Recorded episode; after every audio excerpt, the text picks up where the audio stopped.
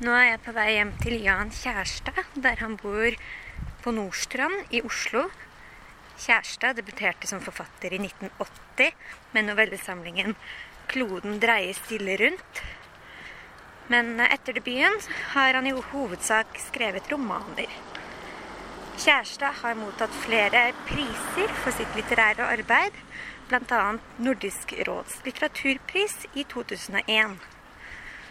Hans siste bok, 'Mr. Wolf', kom i 2019.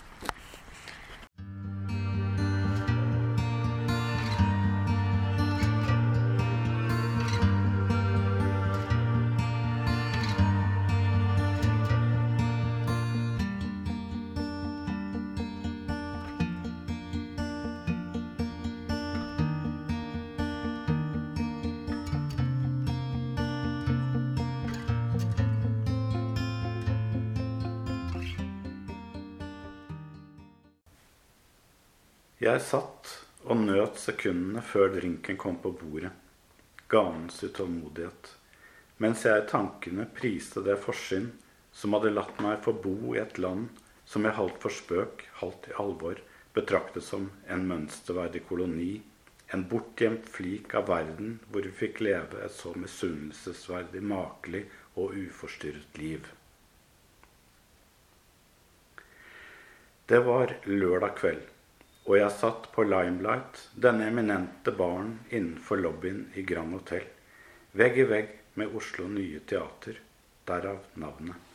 Selv om man ikke lenger kunne spasere direkte fra teatrets vestibyle og inn i baren, som i gamle dager.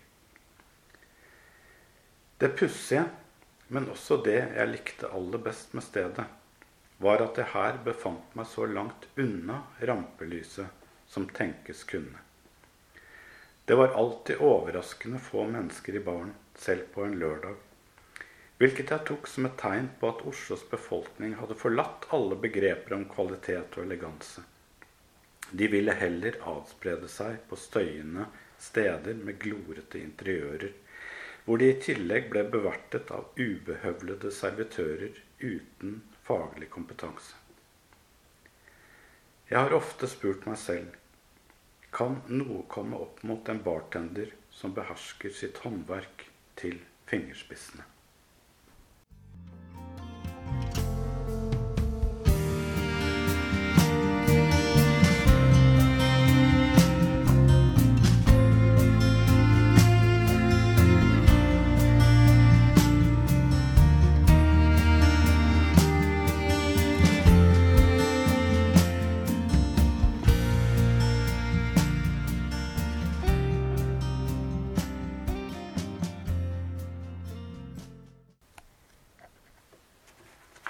Tusen takk for at jeg har fått komme hjem til deg. Ja, det Ja. er jeg som syns dette er hyggelig.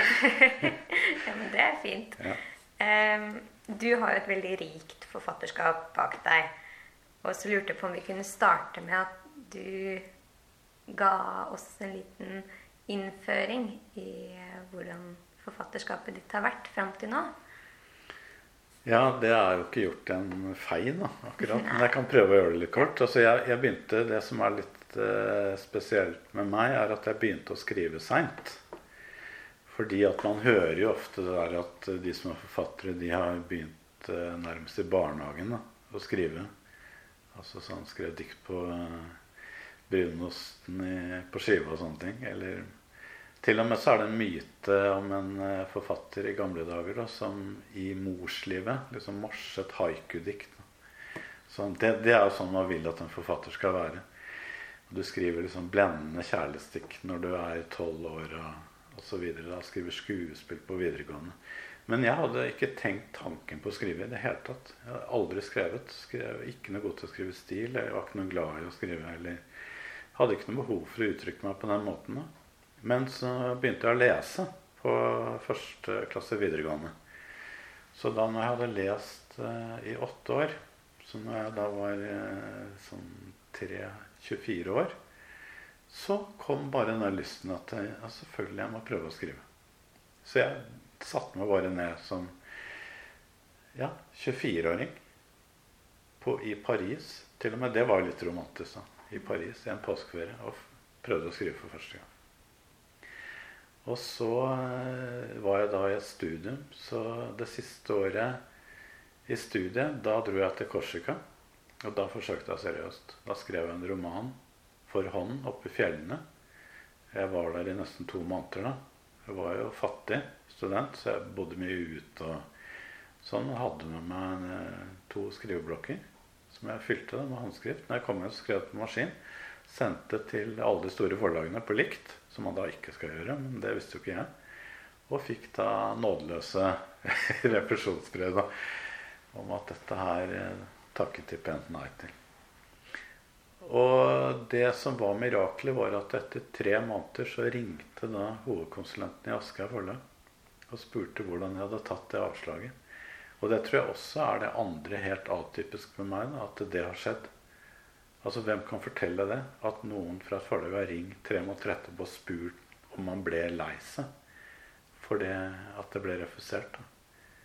Og så ba hun da, vedkommende meg å komme ned på forlaget for å prate. Og så sa hun dette her var egentlig bra, men du skriver helt ubehjelpelig. Altså du, du kan ingen av Du har ikke noe verktøy, liksom. Du, har, du, vet hva du vil, du har en historie, men du har ikke eh, redskaper, da, virkemidler. Du kjenner ikke hvilke skrivemåter man råder over. Så derfor så ble det veldig rotete. Så hun, da, som jeg skylder mitt liv, holdt jeg på å si, og som jeg skylder da, tror jeg, kanskje veldig mye Hun sa bare 'stå på'. Kom tilbake. Så jeg bare, jeg, da droppa jeg hele det manuset. Mange prøver å skrive en gang til, men jeg tenkte at det var, det var fortid. Og så tok jeg ferdig studiet. Og da jeg da var ferdig, så begynte jeg å skrive noveller. Og da leverte jeg til henne på nytt, og det, gikk, det ble min debutbok. 'Kloden dreier stille rundt' kom i 1980. Og det var jo sterkt. Da var jeg 26-27 år når den kom ut. Så, men så skrev jeg ikke noen flere noveller. Jeg har tenkt litt på det at jeg egentlig skriver mine noveller i romaner. Men fordi at folk har spurt meg hvorfor skriver du ikke flere noveller. Men det er det at jeg tror jeg har veldig liksom, hang til å skrive gode historier på en måte som jeg vil at skal henge sammen. Og så blir det romaner. Men eh, hva skal jeg si mer? Altså På 80-tallet skrev jeg ganske eksperimentelt. Ganske smalt, men fikk allikevel gehør. Eller vant gehør. Eh, fikk fine mottakelser som jeg tror var litt eh, altså overraskende. Da. Jeg tror kanskje ikke det hadde vært så lett i dag, men det var en eller annen sånn vakuum. Det var ikke mange som skrev på den måten på den tiden, så det var liksom et rom som sto ledig. Eh, og så var en, viktig ting var at jeg var, da bodde i Zimbabwe i Afrika i tre år eh, sånn rundt 1990. Og der fikk jeg på en måte en slags sånn eh, ny forståelse for at altså historien, og den der enkle historien, den, en sånn grunnleggende fortelling, hvor, hvor, viktig det kunne være. Sånn at jeg da bestemte meg da, for, som at storyteller, det skulle være merkelappen. Ja. Det var også mye fordi at jeg leste Karen Blixen når jeg, når jeg bodde der. For det var naturlig siden hun bodde i Kenya. Jeg tenkte jeg skulle gjenlese hennes forfatterskap. Og da så jeg at novellene hennes, var jo, eller historiene hennes, det var sånn helt, det var jo makeløse fortellinger. Altså Så sterke at de slo helt beina vekk under meg. Da. Så jeg tenkte hvis jeg kunne komme i nærheten, eller altså, at det var en sånn skrivemåte som talte til meg så da begynte jeg å bli liksom mer Jeg tenkte jeg skulle prøve, prøve å skrive mer eh, Hva skal jeg kalle det? Så lettere tilgjengelig. Så da skrev jeg de tre romanene om Jonas Wergeland, som heter 'Forføreren', 'Erobreren' og 'Oppdageren'. Det var en altså, mye mer sånn episk fortellermåte for meg. Og etter det så har jeg skrevet litt sånn annenhver gang. Litt sånn mørke, rare romaner og litt mer sånn åpne, episke romaner. Så den nest seneste var den som heter 'Slekters gang', som er sånn typisk episk. Stor, heidundrende slektskrønike. Eh, mens den siste er 'Mr. Wolf', som er mye rarere og snålere. Eh, altså, ja, litt sånn kortere også. Så der har du det. Mm. Syns du det er annerledes å skrive nå enn da du begynte? Nei, egentlig ikke. Syns det er eh, like vanskelig. Eller like utfordrende og like fint. Altså Jeg, sånn jeg syns det er fint å skrive. Jeg er ikke en sånn lidende forfatter. Det er mange som gjerne vil ha leseren til å tro at det er liksom forferdelig. Da. At man må grave seg ned og snitte seg i magen og ta ut innvollene og se på dem og putte dem inn og sy og altså sånne ting. Men jeg, jeg har alltid syntes det har vært eh, liksom den optimale eh, jobben. Altså det, det, er ingenting annet jeg kunne tenke meg å gjøre. Men det er veldig vanskelig å, å, skrive godt. Og det har vært helt likt hele veien. Jeg har alltid liksom, eh, tenkt det at, at jeg ikke får det til, og at det er, ikke holder. og altså de der At du går og vrir deg. Men, men det er allikevel fint. Så det er, det er meningsfullt, syns jeg. Men rent sånn metoder og sånn, så har jeg også jeg har hatt en ganske Eh, kontinuerlig måte å skrive på som er veldig vinglete. Jeg har ikke, altså Metoden er at jeg ikke har noen metode. Så, så det, derfor så er det ganske likt. Mm. Men uh, Kanskje blitt mer usikker. Ja. Og mer ydmyk. Og det er veldig typisk. Altså Du er aldri så selvsikker som i begynnelsen. Når jeg skrev det dårlige første manuset som ble refusert, så var jeg sikker på at det var genialt. Men det er jeg aldri når jeg leverer nå. Altså nå du blir jo måte mer og mer nervøs og mer og mer usikker. Og liksom, da var det sånn derre eh, Verden venter. Altså hvor mange språk skal dette bli oversatt til? Mens nå er det sånn der jeg håper at forlaget vil anta det. Ja. Altså, det, det er målet. Men du har jo lykkes veldig med ting du har skrevet tidligere. Så opplever du at det er litt en fallhøyde da, med det du skriver nå? Ja, nei, heller sånn at du, at du kan slappe av. For at du har jo da fått til noe, så da, da, er det jo bare å fortsette å skrive. Jeg tror nok det verste er at hvis man aldri hadde opplevd å, å vinne gehør, da, og ikke hadde hatt altså Dumt å kalle det gjennombrudd, men at du ikke har hatt en sånn At du har følt den tilfredsheten det er at man blir lest av relativt mange da, og får gode tilbakemeldinger, og får god, god respons. Det at du merker på lesere at de har fått noe verdifullt ut av det du har skrevet. Jeg tror Det, det må nok være vanskelig altså for en forfatter som skriver og skriver, og så får du på en måte ikke det eh, det derre trøkket fra tilstrekkelig mange lesere over at dette her har nådd fram, og at man har snakket om det. Mm. Eh, når du jobber med disse store romanene dine eh, hvordan kommer du fram til det romanuniverset? Ja, det sånn prøving og feiling. God gammeldags. Ja. så det ligner jo på alt mulig som når man jobber med noe. Da. Alt fra å lage en hage på en måte, til å være journalist. Det er veldig mye fellestrekk. Da er det at du, du prøver på ting, og så er det noe som ikke fungerer, og så bare skroter du det. Og så prøver du på nytt, og så er det noe som fungerer, og det tar du vare på. Så bygger man videre. Så jeg, jeg tror veldig på akkumulasjon. Det at du hoper opp sånne bitte små gode ting. Som da etter hvert da glir sammen og danner større helheter. Som du selv på en måte blir overrasket over. da, Som du bygger videre på og utvider. Men jeg har noe som jeg for meg selv tenker som jeg kaller å være i kaos. Så jeg, jeg har jeg, Det er også kanskje litt atypisk at jeg liker å være veldig lenge i kaos. For de fleste er livredde for at de ikke ser konturene av noe som er brukbart. Mens jeg veldig, har en sånn forkjærlighet for det å være i et sånn, altså sånn eh, veldig fragmentert univers veldig lenge da, før jeg begynner å få panikk. For jeg vet at i det universet så er det et eller annet jeg kan bygge på når jeg begynner å kikke nærmere på det. Men jeg tror, for meg så er det veldig viktig at det får bare koke og syde, og at jeg putter oppi mer og mer i den der svære gryta og lar det boble. Og bare se hva som skjer, altså om det blir spiselig eller ikke. Så, så, hvis la oss si at jeg bruker tre år på en roman, så er jeg i den fasen ett og et halvt år, i alle fall.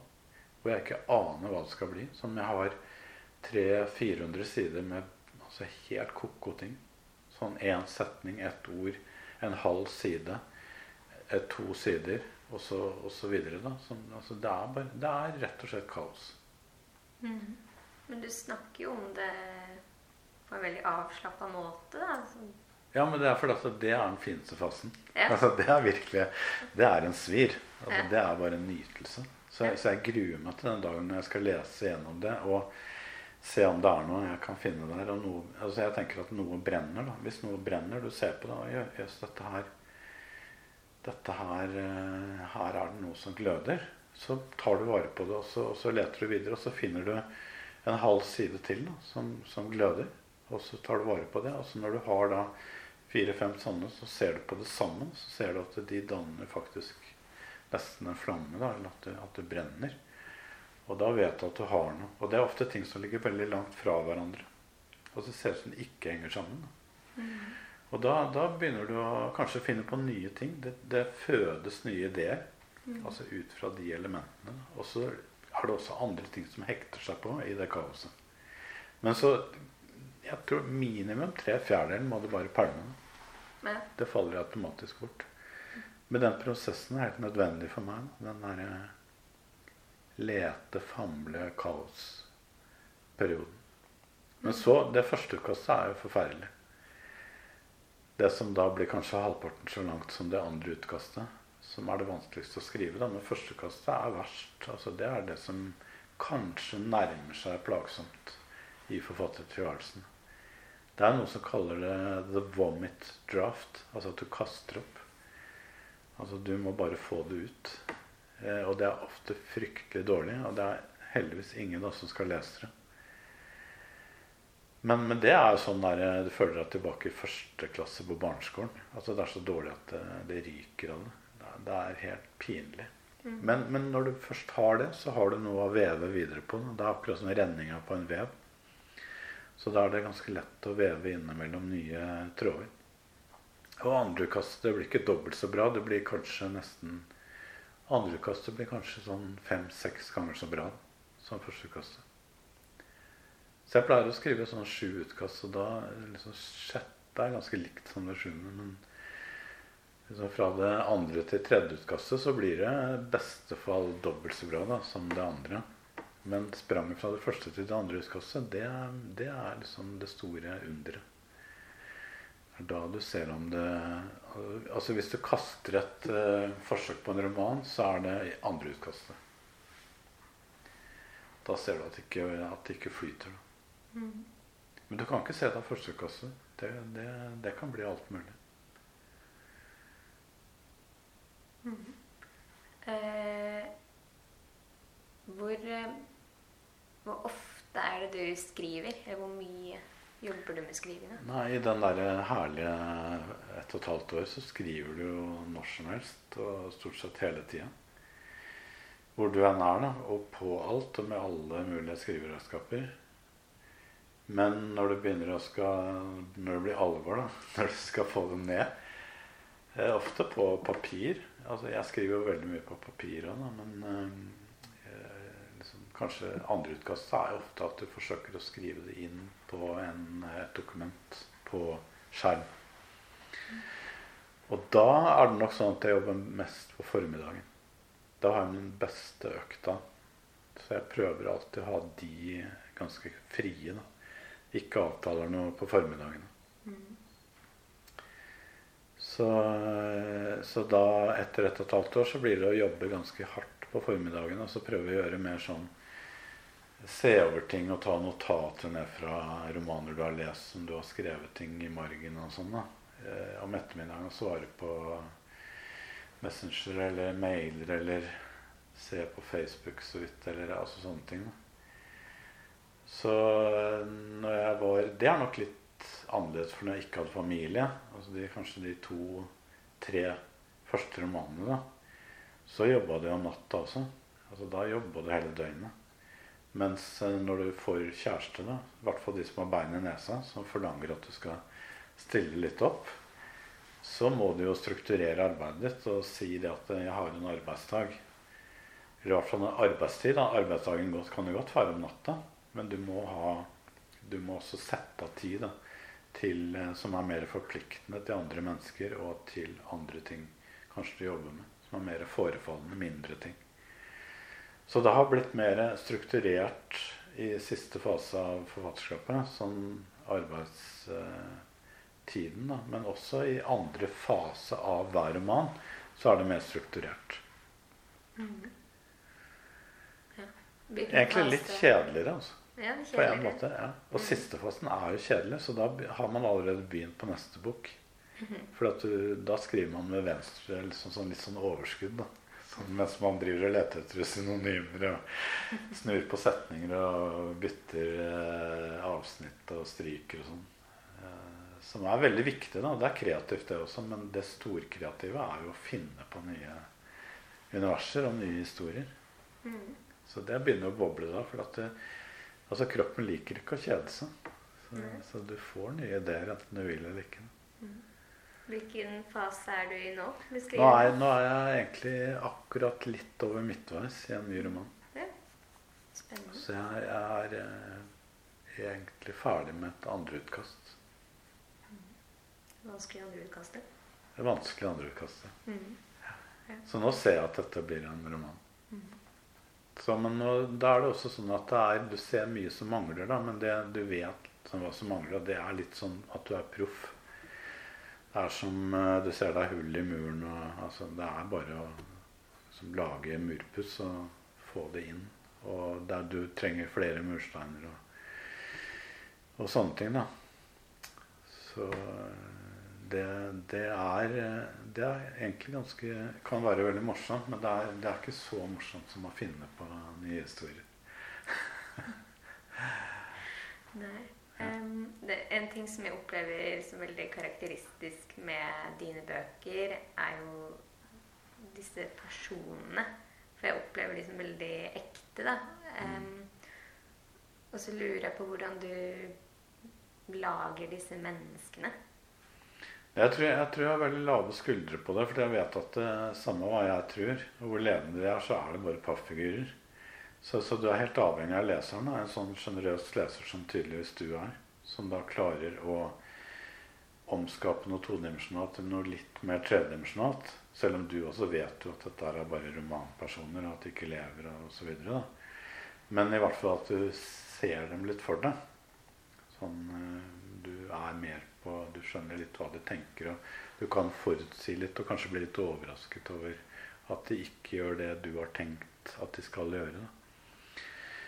Så, men det er det å Jeg tror også der er det litt å finne på motsetninger, som er litt sånn hemmelighet. At du ikke lager da en eh, karakter, en person, som består av de samme elementene, men at de må være ha litt sånn spenn i seg. Da. Hvis du tenker på en likestilt trekant, så må de minst ha sånn noe i hvert av de tre hjørnene.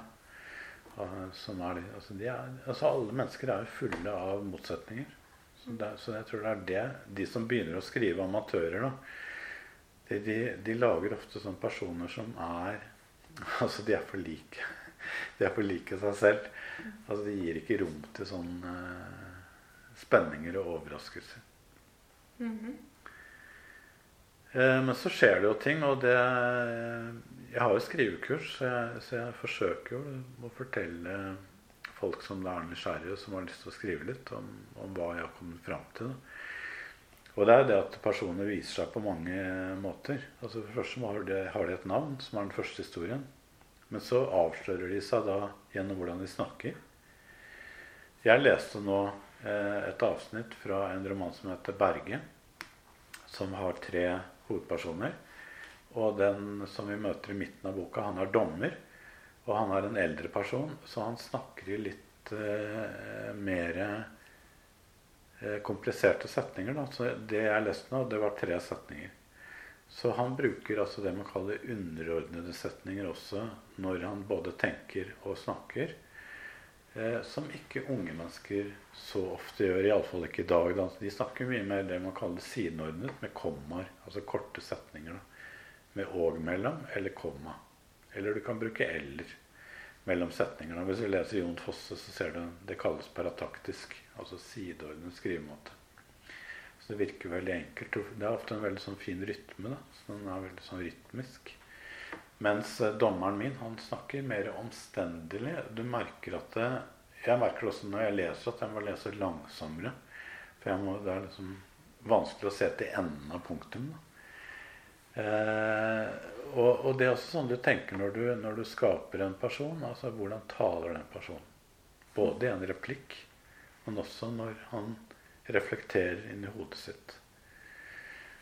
Eh, og det andre er da det som jeg har sagt nå, hvordan man tenker. Hvordan den indre stemmen her, da, det man kaller eh, indre monolog, eller underbevisstheten, som jo er veldig spennende når man skriver, for der har vi forfattere en sånn stor styrke. Da, at vi kan gå inn i mennesket og, og fortelle hvordan, hva som foregår. Og Da kan man også korte ned setninger. En setning kan bare være ett ord osv. Og så er det også noe viktig, og det er relasjonene avslører ofte hvem vi er. Så hvis jeg sier at hun var datter av en prest, så vil leseren med en gang tenke at aha, hun har sikkert hatt en, den og den oppveksten. Jeg trenger ikke å si noe mer om akkurat det, for de vet at hun har da en spesiell relasjon i og med at yrket til faren er prest. Kanskje moren er eh, politi. og Det er jo litt rart. Så moren er politi og faren er prest. Men altså, relasjoner sier også veldig mye om et menneske. Hvilke venner man har. Eller hvilke venner man velger, ikke minst. Da eller tilfeldigvis får. Det skaper jo et menneske. Så, så, det er mange sånne ting man kan eh, liksom gå igjennom da, og bygge en person. Det er stedet man bor på. Det kan også eh, skape et menneske. Du mm. blir ofte litt annerledes da, ved at du flytter på det. I hvert fall vil jeg tro det. det ikke, altså, de beinhøye psykologene er kanskje ikke enig i det, men jeg tror på det. At du, du, kan forandre deg litt hvis du flytter selv om du er 16 år. Jeg tror ikke du er helt ferdig skapt. Altså Hvis du flytter til et helt annet sted med helt andre historier, så vil du kunne bli også litt annerledes som menneske. Mm. Um, du har jo en teologisk bakgrunn mm. fra studiene dine. Uh, hvordan passer skriving inn i det? Nei, jeg, jeg, jeg, jeg, tenkte at det var en veldig kontrast. når Jeg da hoppet av Jeg hoppet jo ikke av, for jeg tok det helt ferdig. Så jeg har embetseksamen. Det er noe å banke i bordet. Selv om jeg aldri får banka det bordet.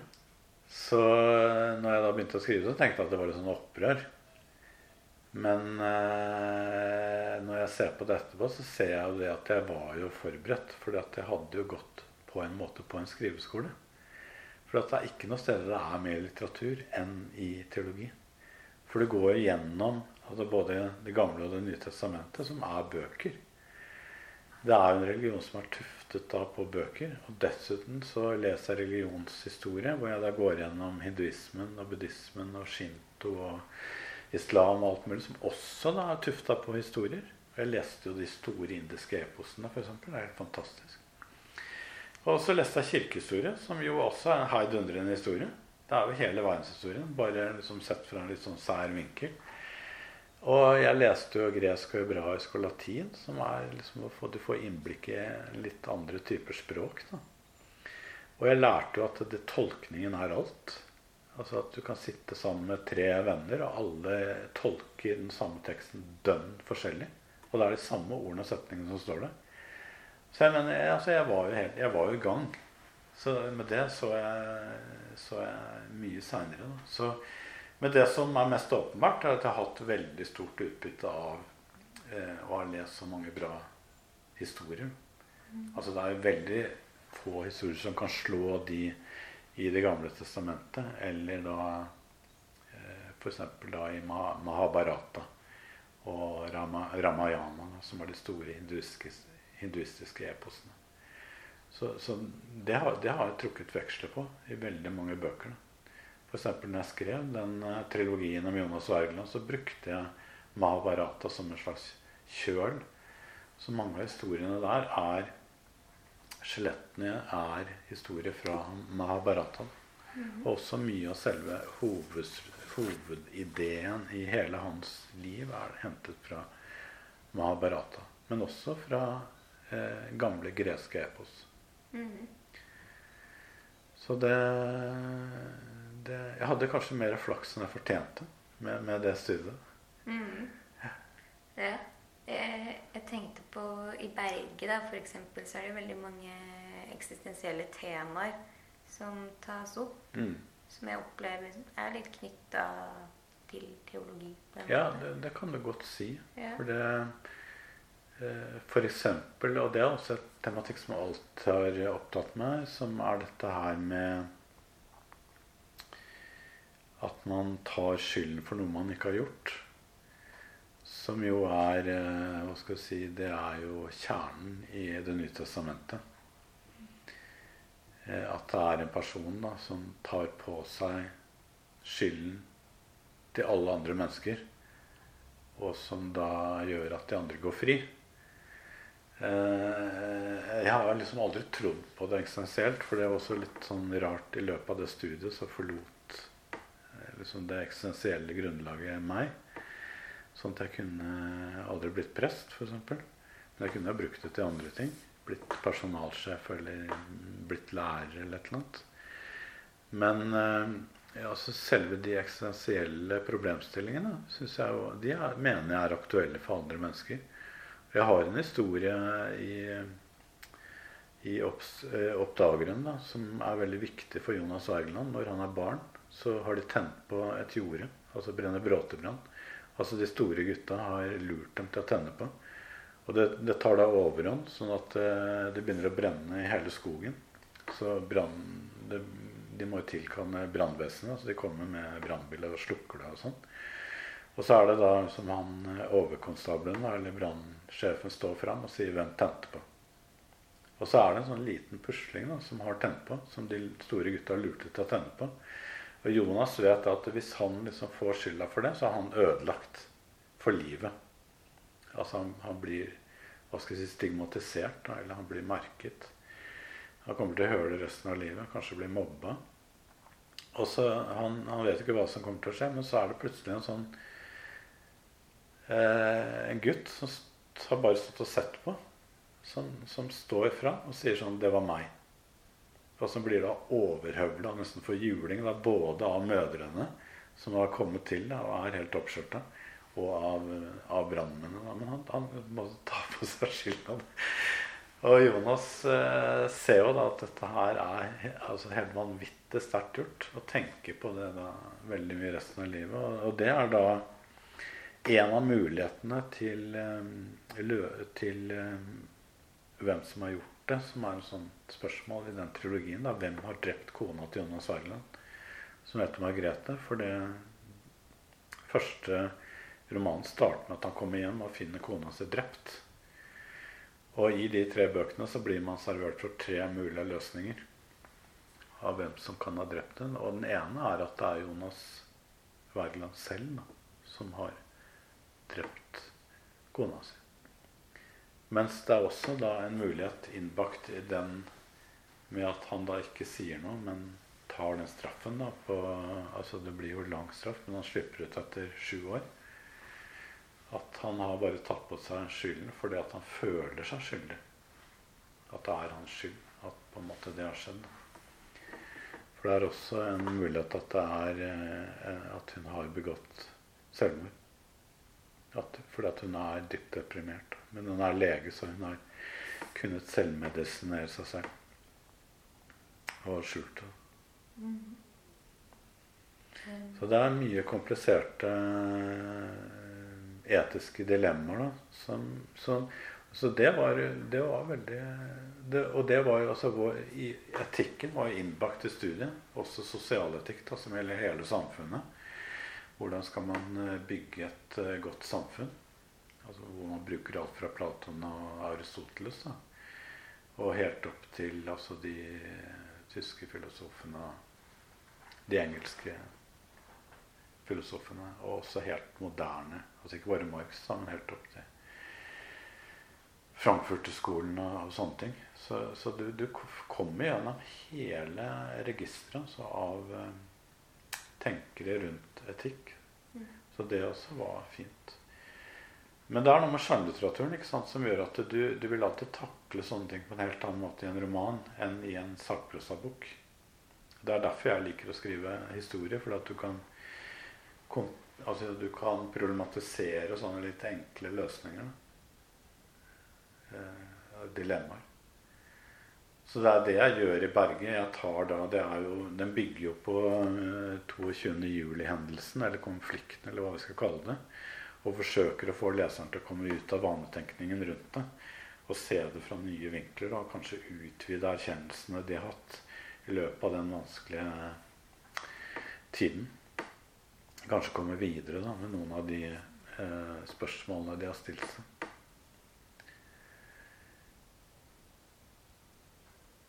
Mm. Eh, du har jo blitt kalt en digital pioner med mm. bøker som eh, Homo falsus. Mm. Eh, hvorfor tok du det digitale til deg så tidlig? Ja, det, det, tror jeg er så naturlig som hvorfor eh, driver unge forfattere i dag og bruker sosiale medier og trekker det inn i historiene sine. Eller poesien sin, eller hva som helst alle de ordene der har glidd inn i språket og blir brukt. Og du ser også formene fra Facebook og Instagram og Snap og alt. Det, det glir jo inn i romanuniverset. Men også sånn komposisjon. Så, så, greia er at jeg har aldri vært interessert i det digitale i seg selv som teknologi, men jeg er interessert, jeg er interessert i å fortelle måte. Og som man da forteller på en ny måte hvis man bruker sånne verktøy. Da. Og så ikke jeg irriterte meg over at naboene mine For jeg hadde da en nabo som var eh, IT. Jobbet i, Nå heter det ITK, da, men da het det bare IT. Informasjonsteknologien. Så han arbeidet som programmerer. Så det irriterte meg at han kunne språk som jeg som var forfatter, ikke kunne. Så jeg gikk da på og tok et kurs for å lære meg noe som heter Pascal. Som er et veldig enkelt programmerespråk. Og som jeg også kjente igjen fra min eh, matematikk da, på videregående. For jeg gikk på, altså, jeg gikk på en videregående som hadde reformmatematikk. Hvor man hadde altså, lærte logikk og sånne ting som ligger nær programmering. Da. I dag så lærer man jo programmering. Eller kan velge det i matta på videregående. Eh, og det er veldig nær språk. Altså Det er sånn språk som eh, liksom opererer med betingelsessetninger og lager sløyfer. og sånn som man bygger opp. Og I dag så bruker alle ordet algoritmene. Man snakker om de forbannede algoritmene som styrer samfunnet. Og ikke minst Facebook. At man ikke klarer å fri seg fra det. Man er i algoritmenes vold. Da. Og det var det jeg var nysgjerrig på. Så, så jeg ville sette meg litt inn i det for da å eh, Både pga. språket, men også pga. logikken. Da. Om man da begynner å tenke annerledes. Så homofalsis er komponert, komponert, som tre loops. Som er noe man gjør når man lager et program. Det var ingen som så det, men det var noe jeg ville gjøre for å bygge opp historien på en ny måte. Da. Så man merket at dette her er en historie som var fortalt på en annen måte, som virka ganske moderne. Og jeg lagde en overflate som var lett fordøyelig og lett eh, tilgjengelig. Da, som alle kunne liksom lese på ett plan. Men hvis man leser litt dypere, så ser man at det ligger en alternativ fortellermåte inkorporert da, i den uh, romanen. Som jeg, det er jeg egentlig litt stolt over. Jeg fikk kritikerprisen for den romanen, men, jeg tror ikke det var pga. det. Altså, det var bare for at man opplevde det som altså noe helt nytt. da. og det virket veldig sånn altså emosjonelt på en sånn litt kjølig måte, hvis du skjønner.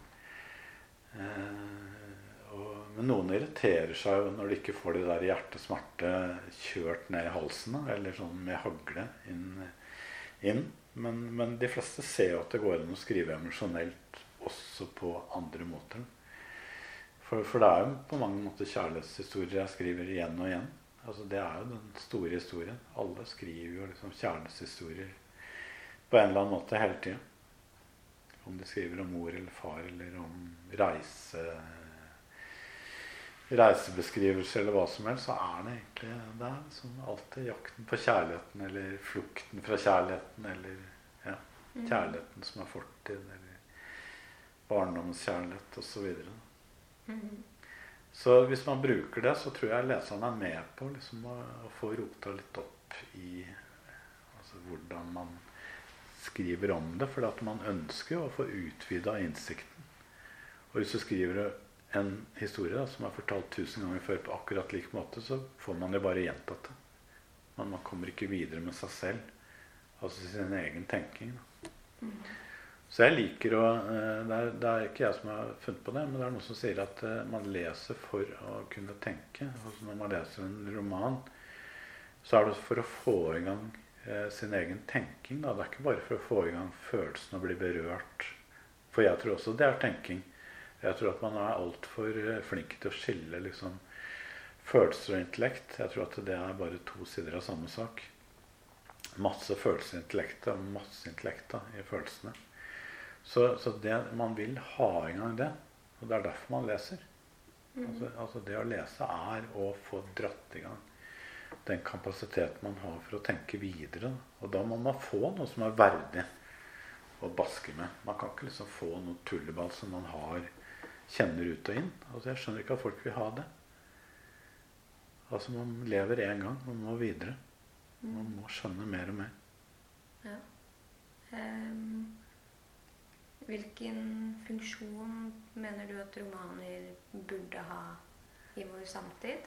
Nei, det er å øke erkjennelsen av hva det er å være et menneske. Å leve i et samfunn. Så, så det at du øker en erkjennelse både av deg selv og som menneske og det samfunnet du lever i. Man sier jo at du får empati for eksempel, av, av å lese. At du, lett, du kan liksom omgås dine medmennesker bedre. Da, for du klarer å sette deg inn i at det er mulig å tenke på den måten som din venninne gjør. da som du ikke klarte når du var barn. Altså Det er et sjokk for barnet når det er seks-sju år.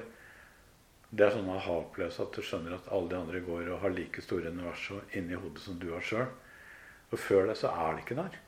Altså De er bare sånn altså kulisser da, i livet ditt. Så plutselig skjønner du at det er liksom sju-åtte milliarder som er like rike inni seg som du er.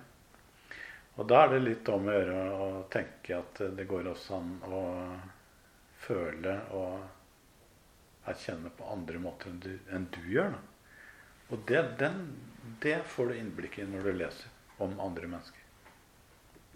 Det er andre mennesker enn deg sjøl på jorda. Men det er jo ikke gitt at du klarer å bruke det. For at alle de store diktatorene, eller i hvert fall mange av dem, har jo vært eh, store lesere.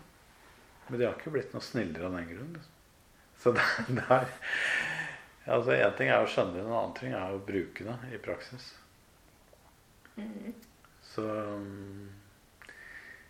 eh, det er ikke noe sånn eh, oppskrift på et bedre samfunn at alle, hvis alle leser, så skaper vi et godt samfunn. Men jeg har en tro på at eh, sjansen er større. Vi har bedre odds.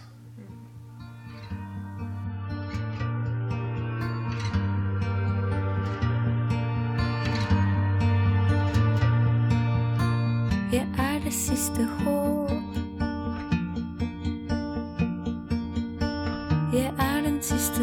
Siste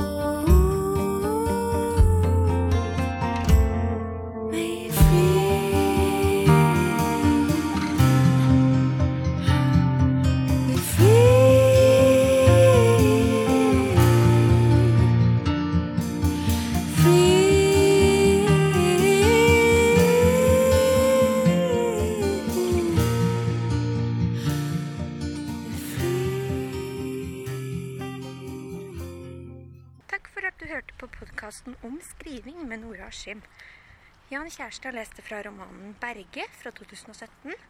Musikken var av Caroline Amb.